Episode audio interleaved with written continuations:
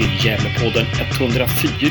Den här gången är det dags för Middag med Löv och Ström igen.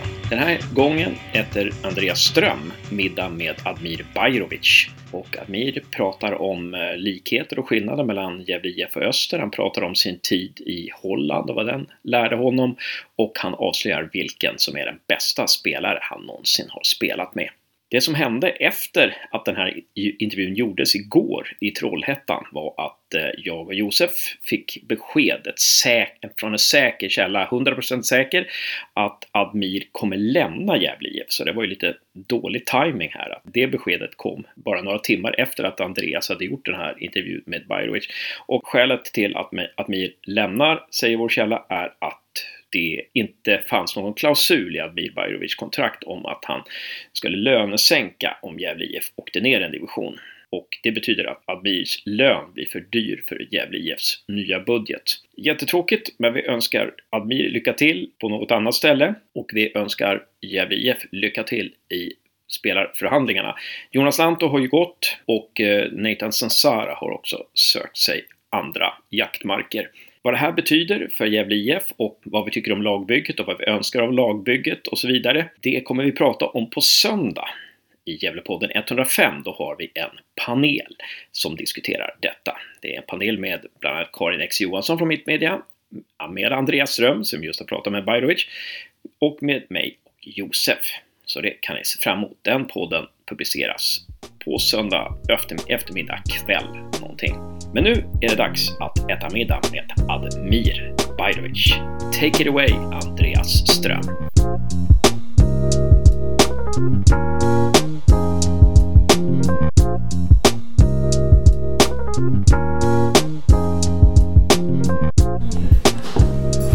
Ja, hallå allesammans och välkommen till eh, Middag med Lövaström nummer 5.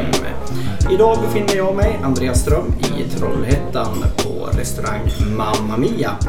Tyvärr så är det så att eh, Martin Löv har skaffat en eh, liten fransk bulldogvalp vid namn Björne som han måste vara med 24 timmar om dygnet eh, den här första veckan.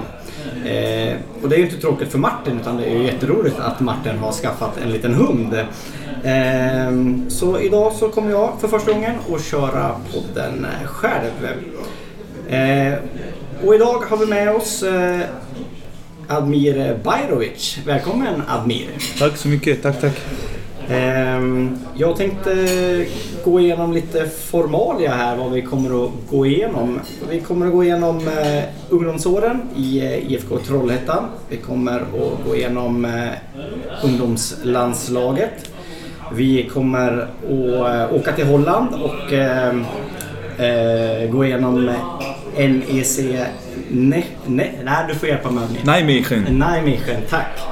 Eh, vi kommer att snacka lite om eh, Ljungskile, om eh, utlåning till Norge, om Östers IF och Gävle IF och sen kommer vi att snacka lite om framtiden och lite allmänt.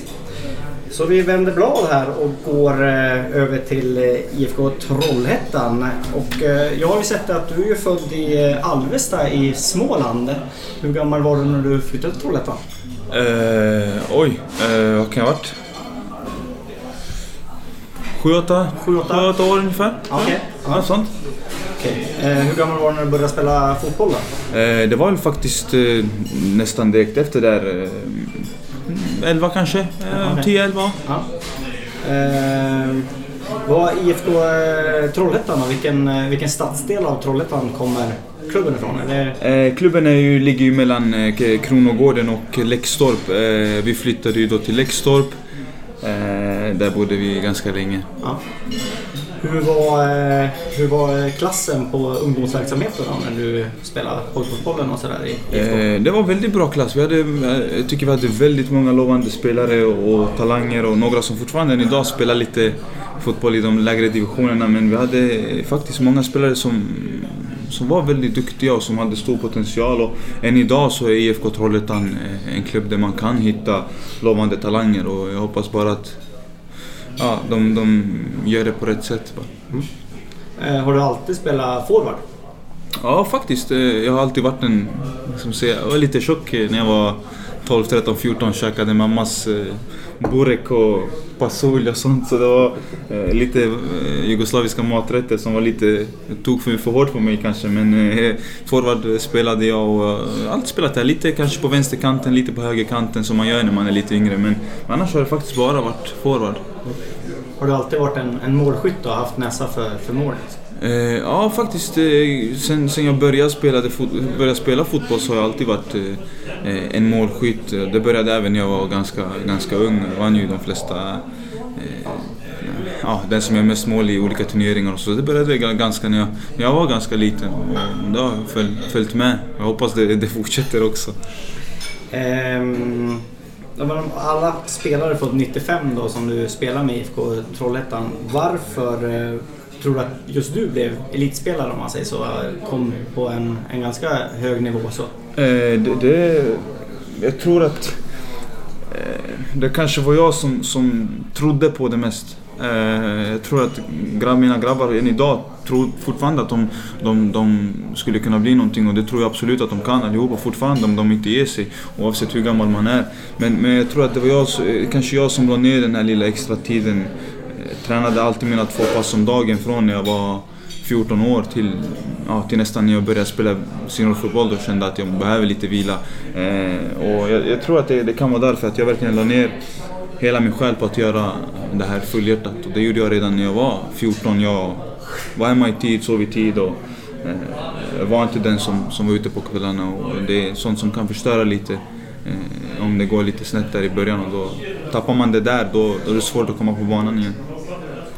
Eh, men var, var du liksom lovande? Alltså nu det här eh, begreppet talang är ju väldigt omdiskuterat i, i fotboll nu. Nu pratar man ju i och för sig om vilken tid man lägger ner på fotbollen och att, eh, att alla kan, kan komma till eliten bara man lägger ner tiden. Liksom. Men, men var du, liksom, du hade en fallenhet för fotboll redan som, som liten? Liksom, och, Eh, ja, verkligen. Alltså eh, jag, älskar att spela fotboll, men jag, jag, tror om du skulle fråga någon så, så, så var jag inte någon speciell talang. Eh, många i, mitt, i IFK Trollhättan, den årskullen vi hade där, alltså vi, vi slog ut IFK Göteborg i vissa turneringar och det var inte jag som gjorde de avgörande målen. Utan vi hade många, många duktiga spelare som, som, som jag än idag trodde verkligen skulle vara liksom, jag skulle kanske inte vara den som spelar högst, högst upp idag utan jag, jag hade fyra, fem, sex, till och med sju, åtta lovande spelare som som var faktiskt snäppet bättre än mig och var vassare än mig. Eh, min anfallskollega eh, Erdin, han... Ah, jag vet inte hur snabb han var men det var bara i handbollen och han sprang förbi 10 pers och jag, jag, var inte, jag var inte den spelaren. Och många som var talangfulla, eh, mycket mer talangfullare än vad jag är. Som inte är där jag är idag men, men det fanns absolut väldigt, väldigt lovande fotbollsspelare i området, absolut. Eh, handlar det lite om tur också? Att man rätt person ser en liksom? Verkligen, det, det, kan jag faktiskt säga att jag, jag har haft tur på vägen och haft bra stöttning och folk som tror på mig och det, det är också jätteviktigt. Och sen, sen är det viktigt att när man inte, när det inte går som det ska så, så är det faktiskt viktigt att veta och tro på sig själv och bara fortsätta göra det för, för till slut får man belöning och det finns många bra exempel på det. Då, då lämnar vi IFK Trollhättan och ungdoms... Eh, vi ska inte lämna ungdomsfotbollen för nu går vi över till, eh, till ungdomslandslaget istället. Du har ju gjort eh, landskamper på både U17 och U19 nivå för svenska, svenska pojklandslaget. Eh, vad jag tror är att du har gjort fyra U17 och fyra U19 och vad jag kunna läsa Ja, något sånt skulle jag tro. Ja. Ja, hur var det då att få spela, dra på sig svenska landslagströjan liksom som 17-åring? Det var, det var faktiskt en av de mäktigaste ögonblicken i mitt liv när, när eh, Magnus Wikman ringde mig. Eh, när jag satt på en lektion, jag vet inte om det var SO eh, tror jag det var. Han ringde mig och sa att det var han. Jag trodde inte mina ögon när han sa att jag var reserv men blev inkallad eftersom någon var sjuk. Så man kan ju snacka om marginaler och tur och det är kanske därför jag står där, där jag är idag. Men ja, några, några landskaper där som och det var, det var liksom, det var, det var en stolthet absolut att ta på sig och göra första matchen. Även när jag blev kallad till Bosön, första samlingen, det var ju shit jag ska, jag ska spela med grabbarna som är, som är bra fotbollsspelare. Och på den tiden så, så var jag inte jag den stora talangen och jag tror det kom som en, jag tror det kom som en liten chock för alla att jag blev kallad till landslaget och sen helt plötsligt gjorde landskamper. Mm. Eh, var det någon mer så här världskänd spelare som är världskänd idag, som, eh, förutom du, som var med i landslaget och, och lirade då? Eh, ja, vi hade, en, vi hade en väldigt bra årskull då när jag, när jag blev kallad. Och, eh, gjorde min första landskamp med, eh, med Tankovic som tia bakom mig. Det liksom, han hade europeiska storklubbar som jagade honom och sen hade han också en jättebra karriär. Som, och där är en som, som jag spelade med och som jag gjorde debut i min första match. Spelade med honom. Kristoffer eh, Olsson som spelar AIK idag. Eh, Ja, det är väl några, några stycken som, som än idag står på, eller spelar på en väldigt, väldigt hög nivå som, som är otroligt bra fotbollsspelare. Var det, var det på grund av landslaget som, eh, som eh, NEC fick, eh, fick eh, upp ögonen för dig? Att de ja, det, dig där? Ja, det, det, det var enligt den historien som jag har hört så, så är det därför. De såg mig i La Magna där i min första landskamp eh, så var de på plats. Eh, I La Manga och eh, ja, det kunde inte bli bättre. Jag gjorde ett, ett mål i första matchen, i debuten och sen så gjorde jag mål i den andra matchen jag startade också. Då, då var de på plats och ja, jag kan säga tillfälligheter som... som och sen ja, var det en provspel där som också gick enligt planen och sen helt plötsligt så, så stod man där. Mm. Ja, men då går vi, går vi raskt över till, till Holland. Och eh, vi har ju varit inne lite på hur övergången gick till att de eh, såg dig när du spelade, eh, spelade i pojk, pojklandskamp. Um, hur, hur, var det då att flytta ner till... Du var 15 då när du flyttade ner till... Eh, nej, jag skulle... 16. 16, 16 var det. 16 ah, okay. var ja. ah, eh, och Hur var det då liksom? Flyttade du från mamma och pappa då? då ja, det var, det var faktiskt... Det var... Det kom som lite chock att jag liksom skulle bli gå till utlandet och leva min dröm lite så. Eh, det, var, det var konstigt, jag var 16 år och jag var van med mamma och pappa hemma och syster och alla mina vänner och allting och sen plötsligt så Ja, så ska man gå till, eh, till Holland och bo själv och lära sig ett nytt språk och det, såklart det var en omställning men det, det, det gick bra men det var, det var en tuff tid absolut. Ja, läser man Zlatans eh, gamla bok om man säger så, så han hade ju väldiga problem när han kom till Holland och fick bo med Maxwell i... Det är därför han ja, precis, i ja. hans rum och sådär. Men du hade inte den, eh, riktigt den hemlängtan eh, så eller? Nej, för jag... Vad ska man säga? Jag och min pappa, vi har alltid, sen jag växte upp, har han varit lite hård mot mig och det har varit den här attityden att man ska liksom vara man ska vara stark och man ska vara tuff och hela den biten och samtidigt såklart så ska man vara mjuk och den, den sidan har han också visat mig såklart. Eh, så det, det, var, det var tufft eh, men eh, ja, jag bodde själv. Jag, det var en omställning att komma hem och så är ingen hemma.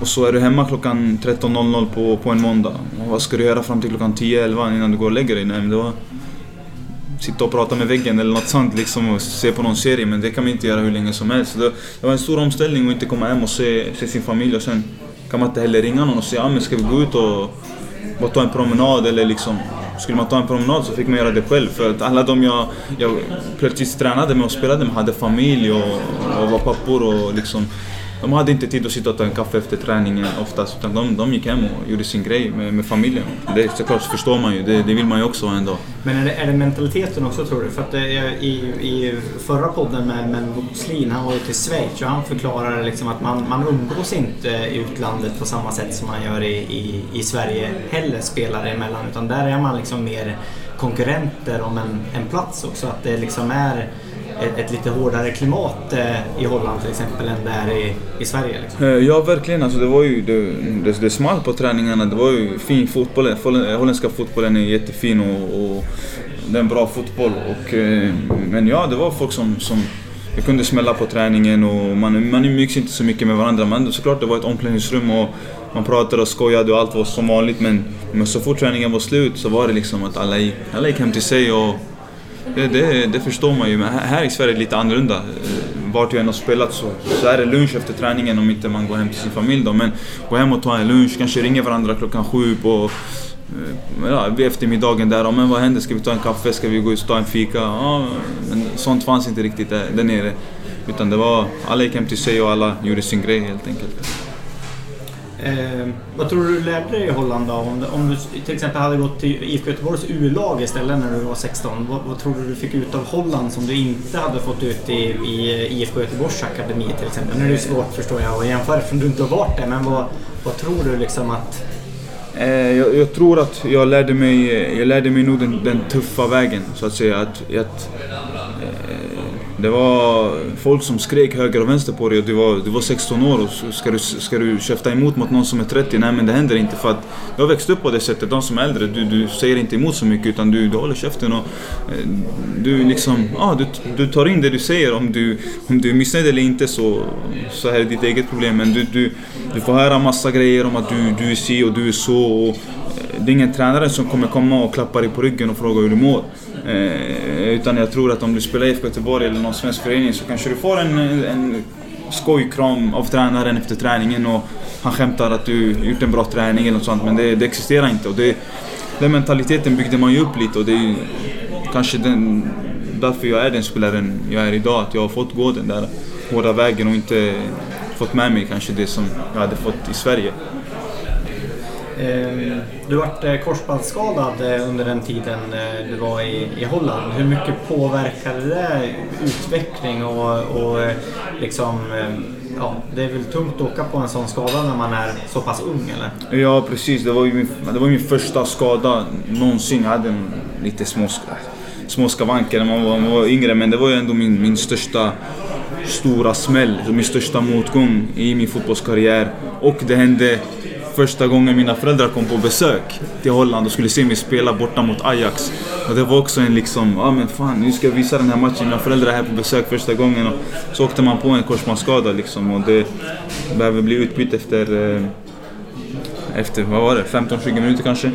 Men, eh, men jag ska inte sitta här och säga att oh, jag hade varit den här eller den här spelaren för att jag hade skadade knät. Vet, man har ju hört de här historierna så många gånger. Så det, eh, jag är där jag är och sen jag tar det därifrån. Och, eh, såklart, du blir utan fotboll i över ett, ja, du blir utan fotboll i ett år liksom. Och det, det, det kan hända mycket på ett år. Mm. Mm. Um, varför blev det ingen fortsättning i Holland då för? När du... Eh, jag kom tillbaka från korsbandsskadan. Eh, gjorde min debut eh, i kuppen mot AC Alkmaar borta. Eh, gjorde debut i ligan. Eh, matchen efter det var jag plötsligt på läktaren. Och det, det säger väl mycket om mentaliteten som finns där. Helt plötsligt så, så är du med och sen det kan gå en dag så är du, är du liksom borta från planerna. Eh, men då, där och då kände jag att okej, okay, men nu har jag debuterat här och eh, två matcher i rad, både i ligan och i cupen och sen så är jag i läktaren liksom. Och då, eh, då sa jag till tränaren, ja, men vad, vad är det som händer? Och så sa han, ja, det har kommit eh, tillbaka en kille från skada och prioriterar han före dig? Ja, absolut, och man sväljer det liksom och byter ihop. Eh, och sen så kom det några lag där och, som var intresserade och sen tyckte jag det passade bra för mig, min utveckling och ta de besluten. Så det, det var därför jag lämnade Holland. Så det var inget, inget, inget speciellt sätt att lämna liksom, utan det var bara en vanlig, vanlig fotbollsgrej att man lämnade klubben för att man var missnöjd för att man inte skulle spela, men det... Ja. ja. Eh, fanns det någon mer svensk i, i klubben då när du var, var där? Ehm, jag spelade med Carl eh, eh, Johan, eh, Carl Johan Johansson, målvakten som är i Frankrike nu. Landslagsmålvakt också för den delen. Han kom, var det ett halvår tror jag, innan jag stack. Så han hängde jag med ett tag och käkade min första kräftskiva med honom faktiskt och hans familj. Så det var, jag har bra minnen med honom. Det var, det var något nytt för mig men det var, jag uppskattade den tiden när han kom. Och, eh, han var jätte, jätte, jättefina människor verkligen. Och, eh, sen sen eh, var ju Sören Riks där också samtidigt som jag var där och så eh, Lasse Nilsen också, mittbacken i Malmö, var ju också där. Eh, så det är ändå liksom några välkända spelare som var där samtidigt som jag som ändå man kunde prata svenska med. Deras, ah, Sören Riks danska var ju ganska svår att förstå men det, man fick vänja sig liksom. Förstår.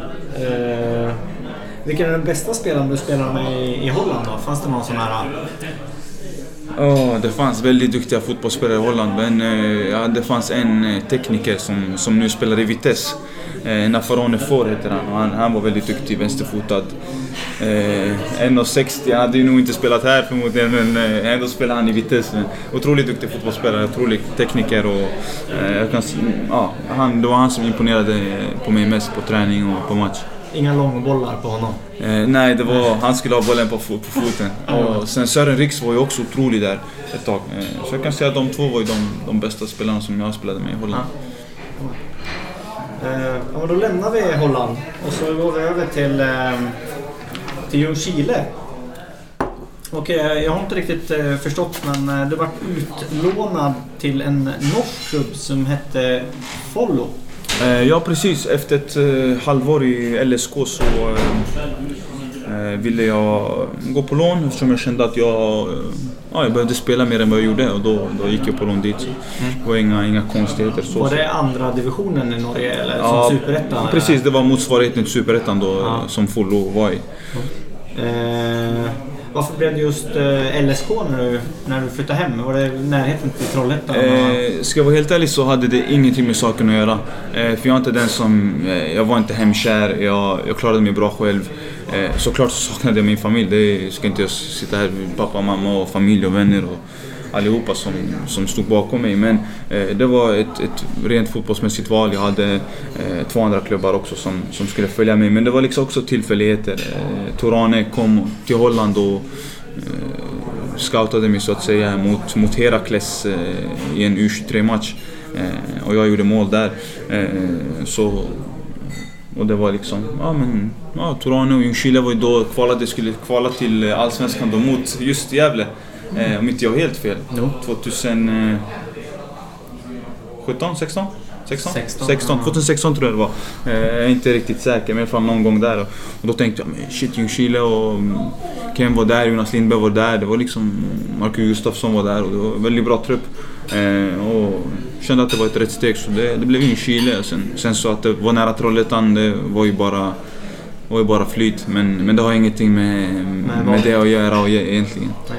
Hade, hade varit av klubb att, nu får LSG, LSG, LSK-supportrarna ursäkta men eh, då tar vi och pausar för mat. Absolut.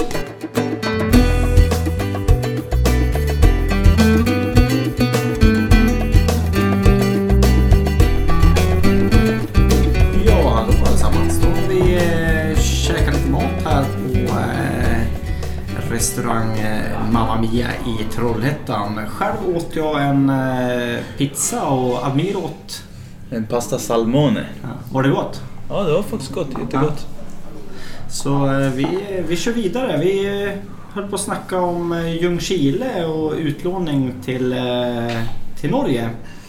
Ehm, och jag, du spelar väl med Ken Sema i LSK? Ja, Stämmer det? ja, precis. Första, eh, första, första året när jag kom där. Jag tror andra också faktiskt. Ja, det var det. Ja, något sånt. Eh, vad säger du om hans kometkarriär från LSK till, eh, till eh, Östersund, eh, Watford och, och landslaget? Ja, han har, han har gjort en otrolig resa men jag unnar inte jag unnar honom all lycka som finns i, i den här världen, gör jag faktiskt. Han har, han har krigat och kämpat och jag har ju sett hur mycket slit och, och arbete och tid han har lagt ner för att, för att komma dit han är idag. Och, ja, som jag som sagt, han, jag unnar han allt det bästa i livet. Och han, om det är någon som förtjänar det så, så, är, det, så är det Ken som förtjänar det. Det, det, det är otroligt och det, det motiverar och det inspirerar framförallt. Och, fantastisk, fantastisk människa och en fantastisk fotbollsspelare som, som, ja, som, som kommer fortsätta gå uppåt. Det är jag, tror jag absolut. Det var det jag tänkte fråga härnäst. Liksom, att det, det måste ju sporra också. Om man ser liksom, att, eh, att eh, det kan gå för honom så, så, eh, så kan det gå för andra också. Verkligen, verkligen. Ken eh, var i Chile och så plötsligt nu är han i Watford tre år efter. Och, eh, man, man inspireras av sådana av såna händelser och resor som folk gör. Samma sak med, med Jamie Vardy som var 27 när han jobbade på någon eh, fabrik och sen nu är han eh, en av Premier, Leagues eh, vassaste anfallare. Så, så du vet sådana här, såna här människor och sådana här spelare som, som lyckas, inte bara i fotboll utan eh, allt annat i livet. Det, det är någonting man motiveras av och eh, ska lära sig av tycker jag. Um, varför lämnade du LSK till för, för då? Var det uh Eh, vi, vi åkte ner det året med LSK mm. eh, och eh, tiden i LSK var inte den bästa i, i min karriär. Eh, och jag hade rätten att bryta mitt avtal där. Eh, och då, då kände jag att jag ville göra det för att jag inte ville vara kvar i LSK av olika anledningar. Och, eh, sen lämnade jag för Öster och blev klar ganska tidigt där. Så, mm. Yes. Vi går vidare till, till Öster då. Det var en bra övergång där. Hur trivdes du i, i Öster? Eh, jättebra. Eh, otroligt bra, fina killar i, i föreningen och eh, grabbarna i laget och, tog hand om mig och tränaren gjorde samma. Och, eh, staben, staben likadant. Och det, det var också en jätte, ja, en, ett bra steg i min karriär att komma till, till Öster och trivdes jättebra där. Mm. Uh... Jag har läst någonstans att du inte riktigt trivdes med, med spelsystemet i, i Öster, att det kanske inte passade dig. Stämmer det? Eh, det är väl lite olika. Alltså man, man, man lär ju sig spelsystem och man lär sig spela på ett sätt om, om man vill lära sig. Och såklart jag är den spelaren som vill lära mig någonting nytt varje dag. Eh, men jag, jag hade inga problem med något spelsystem. Om tränaren vill att jag spelar ensam anfallare så, eh, så gör jag det. Om han vill eh, att vi spelar med två så, så gör jag det. Utan, Eh, det är väl liksom bara en vanlig sak att man, man kanske är van att spela med två anfallare och så plötsligt ska man spela ensam anfallare. Det där är lite mer... Man får, man får liksom jaga mer och springa mer och... Eh, det, det, är lite tuffare men, men jag, hade, jag hade inga problem med, med något spelsystem så egentligen. Det var mer speltiden som, ja, precis. som var ja. skon klämde Ja, helt rätt. Helt rätt. Det, det, var, det var det som var hur, hur är Christian Jädler som uh, fotbollstränare? Jag menar han är ganska upphåsad från att han var i Värnamo och att han uh, nu är i, i Öster och ung, uh, gammal, gammal allsvensk spelare. Liksom. Hur, hur är han som person och, och tränare? Christian var, är en, en duktig tränare. Han hade sin spelfilosofi och sin spelidé. Eh, som alla andra tränare och eh, jobbade mycket med sin spelidé. Och, ja, overall så var han ju en, så var han en duktig fotbollsspelare och bra människa också. Mm. Eh, hur står sig Gävle-publiken och Gävle-klacken då mot eh, Östers eh, dito? Eh, det var för, ja, ganska mycket, lika mycket folk kanske på läktaren. Eh, eh, eller supporterdelen om man säger så, som, som håller igång både i Öster och i Gävle. Så det är ungefär samma. I Öster kunde det vara lite bättre tryck. Men det, det här, jag kan säga att man hörde det lika mycket och man motiverades lika mycket av, av båda, båda sidorna. Jag har fått några, några frågor från eh, någon som kallar sig för Österfan 1 ifrån eh, Svenska fans. Och den första frågan är eh, Hur tog du beslutet att lämna Öster och hur länge hade du tänkt på det att, att lämna innan du, du lämnade? Liksom? Eh, jag bestämde mig eh, vad var det, nästan vid eh, ja, uppehållet där. Eh, att jag ville lämna. Det kom eh, intresse från, från Gävle ganska tidigt. Eh, sen har jag väl läst någonstans att av olika anledningar att jag lämnade på grund av någonting helt annat men, men så är inte fallet. Eh, utan eh, Gävle och jag hade väldigt bra kontakt eh, sen uppehållet helt enkelt. Och, eh, ja, jag väntade bara på att få ett kon konkret bud från dem och, och något att förhålla mig till och sen Sen valde jag det för jag tyckte att det var, det var bäst, bäst eh, för mig. Så jag, såklart hade jag det i tankarna eh, någon vecka innan jag tog beslutet. Eh, så, och, och kontakten hölls i några veckor också. Eh, jag har fråga nummer två från eh, samma Österfan 1 där. Eh, vad sa Christian Jädler när du ville lämna? Eh, han sa väl inte så mycket. Jag, jag var tydlig med att jag ville, ville lämna klubben för att jag inte trivdes. Och, eh, ja, det, det, var inte, det var inte egentligen mer än så. Eh, om jag vill lämna så, så, så gör jag det. Och, eh, jag hade ett kontrakt men det, men det löste sig. Och, eh, det, var, det var inte liksom mer än så. Det fanns en förståelse? Ja, absolut. Liksom, om inte en spelare spelar och används så, så tycker jag att man ska eh, ja, låta honom göra sitt eget val och beslut. För om, om ja, om han hade spelat så hade jag inte velat lämna men såklart jag har varit i, i, i klubbar där jag inte spelat en minut och tränaren vill låna ut mig till division 2-klubbar men jag har ändå krigat mig och tagit, eh, tagit min plats. Och, eh, jag, jag tycker jag gjorde det likadant i Öster och min, min ja, mina, min statistik säger, säger väl också samma sak som jag säger. Eh, så den talar väl för mig. Men eh, det, var, det var ingenting speciellt. Han sa ingenting speciellt utan jag ville lämna och, och, och så blev det. Mm.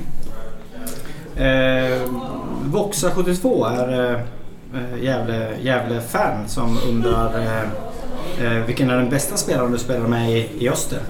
Jonathan Levi, helt klart. Äh, fick höra från, vi har samma agent och fick höra från honom att ah, den här spelaren är otrolig. Och, ah, det tog en träning innan jag såg hans kvaliteter och jag visste att han skulle försvinna lika fort. Så, så Jonathan Levi är den spelaren som, den bästa spelaren som jag spelat med i Öster som var, var otroligt skicklig, otroligt duktig fotbollsspelare. Eh, skillnaden mellan eh, Öster och, och Gävle då, spelmässigt liksom? Spelar man eh, väldigt annorlunda i Gävle mot för i Öster? Eh, nej, det är, väl, det är väl ungefär eh, likadant. Mackan vill ju också spela fotboll och Christian vill ju samma sak. Eh, oli- olika spelidéer självklart men eh, sen är det ju såklart också annorlunda att att komma till en eh, förening som, som har så mycket press som Gävle hade i den stunden jag kom. Att vi är liksom sist och det är liksom vinna eller försvinna varje match. Äh, än att liksom ligga i mitten någonstans och ändå vara, ja men spela avslappnat och äh, så mm, spelmässigt så var det ju ganska samma. Och, men, ja, båda, båda tränarna hade sina spel, spelidéer och spelformationer. Men, men fotbollsmässigt, ja, ungefär samma sak. Ja. Ja men då, då går vi över till, till Gävle IF då som kanske många väntar på. Se. Eh, var Gävle IF och Gävle som du förväntade dig innan? Liksom? Eh, egentligen inte. Jag tänkte nu ska jag upp till Kiruna och eh, jag vet, jag vet inte fan jag ska, vad jag ska göra där eller vad, vad jag ska göra på dagarna. Men eh, eh, så kom jag dit och eh, gjorde mitt första besök eh, på sommaren. Och, eh, otroligt, otroligt mysig stad och människorna där är fantastiska också. Eh, så jag, jag, jag dömde ju Gävle lite som stad innan men jag kan säga att Gävle, ja, många vet och det var otroligt, eh, otroligt, otroligt bra tid för mig i, i Gävle, både utanför och, och på planen. Eh, sen saker och ting blev inte som man kanske ville, men ja, så, sån är fotbollen. Mm. Eh, hur var stämningen i laget då när du, när du kom? Liksom? Var det, kände du att det var tryggt? Liksom, och, Alltså det, på, ett sätt så vet man att man kommer till ett lag där, där självförtroendet inte är på topp och det var, det var, jag visste att jag, jag skulle behöva vara den ledaren som, som jag vet att jag är och ha det självförtroendet Eh, och visa det framförallt för att jag vet att när det ligger, eh, när man skjuter stolpe, in som, stolpe ut som forward och saker och ting går, går inte som det ska så gäller det att fortsätta nöta och nöta och eh, göra det varje dag på träning. Eh, hela tiden för sen kommer det lossna och det var, det var ju den, den mentaliteten och, och det förtroende, eller självförtroendet som jag ville få in i resten av, av gubbarna och eh, skapa en sån aura där där det, här liksom, det, det här är inga bekymmer, det här ska vi lösa utan, utan problem, utan tveksamheter. Och, mm, stämningen var ju tung, man visste, vi- alla visste om var, var, vart vi är någonstans men, men alla ville jobba uppåt i alla fall, det var det viktigaste. ehm, var det lätt att komma in i gruppen? Var det en lätt grupp att komma in i? Liksom? Eh, ja, verkligen. Det var en blandning av eh, äldre spelare och många unga. Eh, och jag är inte direkt den, den, den blyga typen, typen utan jag kan... Jag, jag tar för mig, jag säger vad jag tycker och eh, pratar och tjatar med, med allt och alla och eh, har inga problem med, med någon egentligen. Så, eh, så det var väldigt lätt för mig att komma in och ta, ta, ta plats helt enkelt. Jag, jag brukar inte stå illa och stå vid sidan och, och gömma mig utan jag vill, veta, jag vill visa att det är här jag är och det här, det här är vi liksom. Ehm, hur kändes förlusten mot Degerfors då? Liksom? Det, det, alltså, när, när, det, när, när Degerfors-matchen blåstes igång så fanns det ju en teoretisk möjlighet att, att vara kvar. Men när, när slutsignalen gick och det blev 4-0 då, då fanns den ju inte längre där. Och, eh, jag vet inte, Lantos tårar är väl eh, omdiskuterad i, i, i, bland Gävle-fans. Alltså att man, man såg verkligen en person som har varit i klubben i ja, hela sitt, sitt vuxna liv egentligen. Och, och ja, att det, nu, var det, nu var det kört liksom. Hur, hur, hur kände du?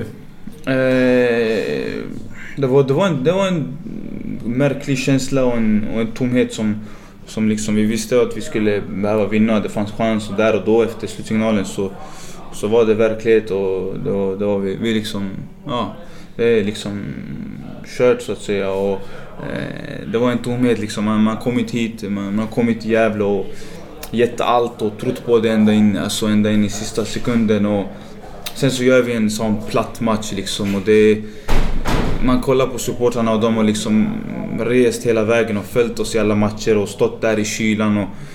Vet man... Man ser på dem och det är liksom... Fan, du vet man känner en sån, man känner en sån tomhet. Man, man, liksom, man vet inte vad, riktigt vad man ska säga utan det blir liksom att man... Ja, det blir, det, blir, det är jättekonstigt att förklara som fotbollsspelare att... Mm, Supportrarna gör så mycket för dig. Men du kan inte, du, du kan inte ge tillbaka. Och det, det är en känsla som är svår att förklara men det är ingen, det är ingen bekväm känsla utan det är en otroligt obekväm eh, stämning som skapas i din egen kropp. Och, eh, svårt att förklara om man inte, om man inte är där men det var otroligt tomt och, och otroligt ledsamt att, eh, att, ja, att ha den känslan i kroppen efter, efter slutsignalen. Eh, skillnad mellan eh, Marcus Bengtsson och Christian Jädler som, som tränare liksom?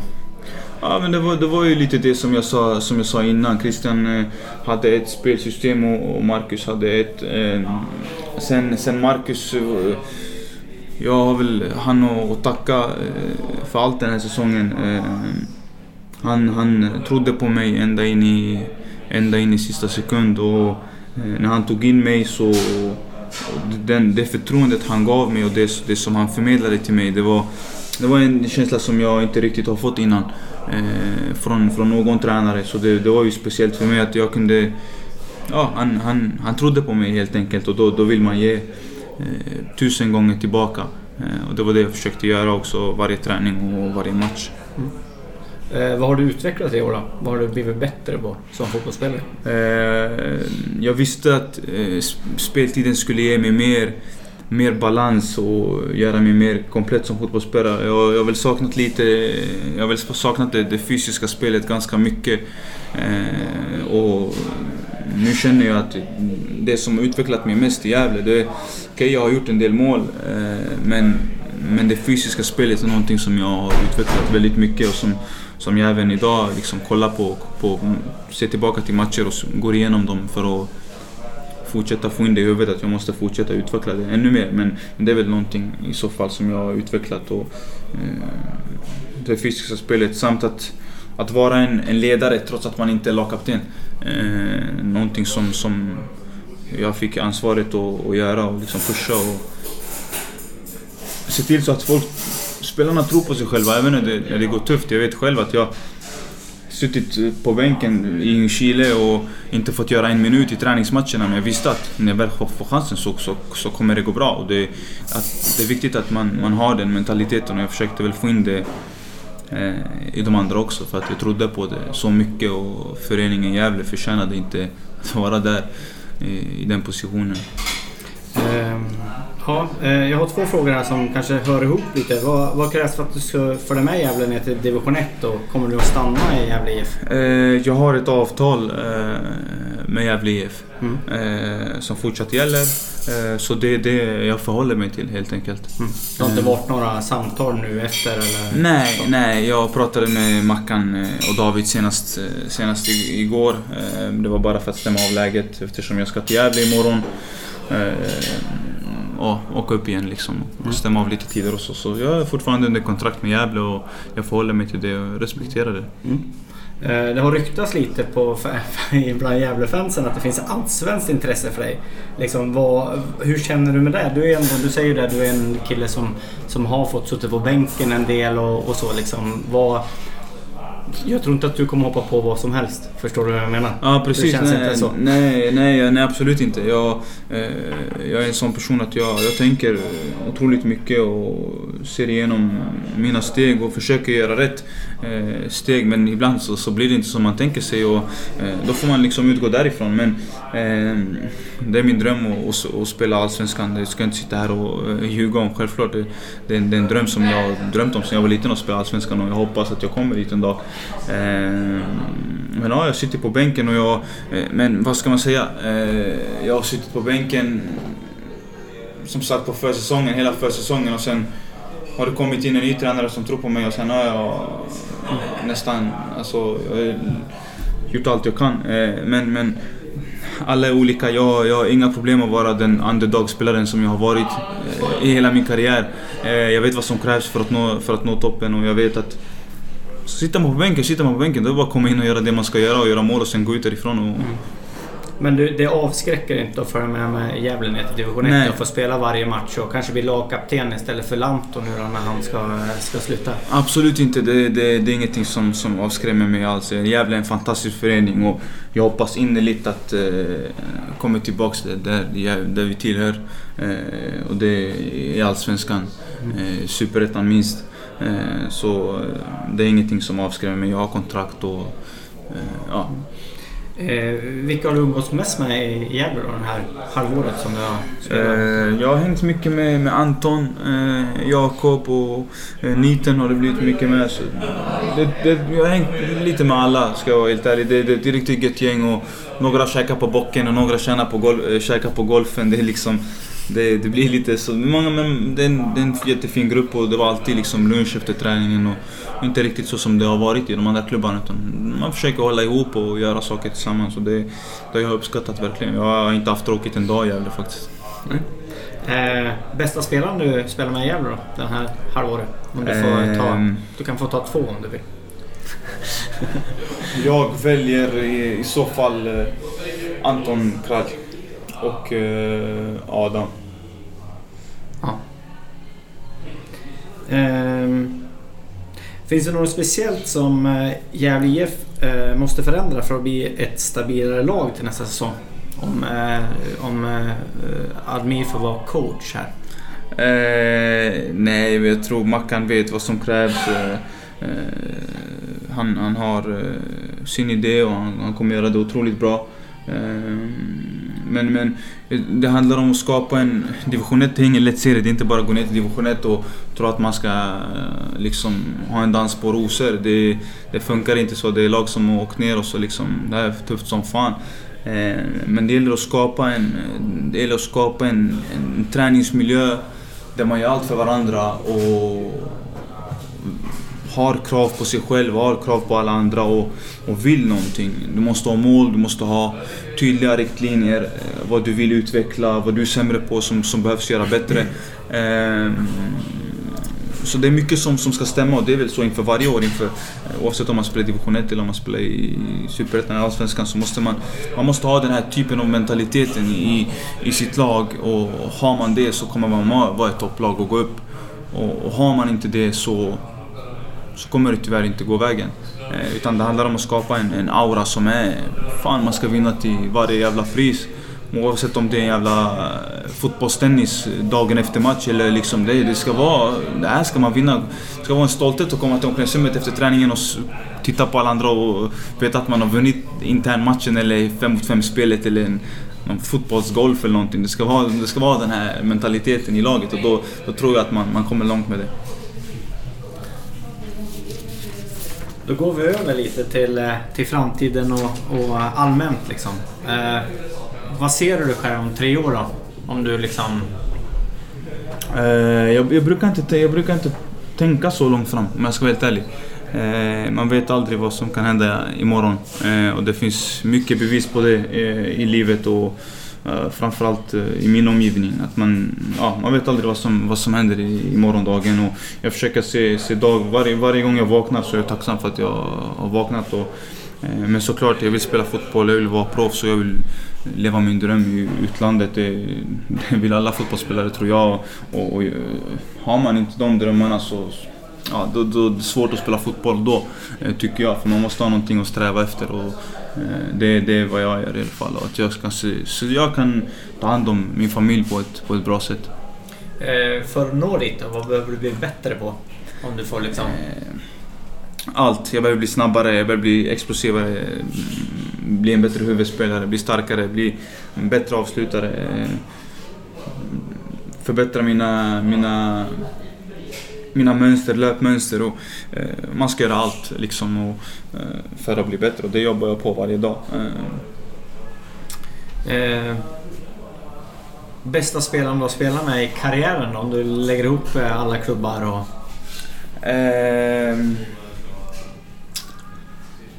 bra fråga faktiskt. Ehm, jag ser nog, eh, jag ser nog Ken.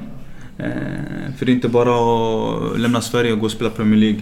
Eh, utan det krävs en jävla, jävla mentalitet och eh, man behöver vara en bra fotbollsspelare för att göra det. Så jag, jag ser, jag ser Ken Sema faktiskt. Eh, och bästa spelaren du mött då? Eh, det är väl också i så fall, i så fall Ken, eh, Jonathan Levi. Det är de mest talangfulla spelarna som, som jag har liksom mött. Sen, sen har jag mött bra spelare så jag kan inte liksom lägga dem i kategorier. Jag har spelat och tränat med, med Sören Riks och Lasse Nilsen och Carl-Johan Jonsson som är, som är otroligt bra fotbollsspelare. Så det, jag har spelat med en del bra fotbollsspelare som, som jag tycker bör nämnas. Ja. Ja. Ja, men då var det slut på frågorna. Okej. Ja, eh, vi i Middag med Löwenström hoppas ju att du blir kvar för någon måste ju måla i division 1 också så vi kan ta oss upp till Superettan igen. Eh, jag vill tacka dig jättemycket för att du ville vara med eh, och eh, hoppas att vi ses eh, igen nästa år.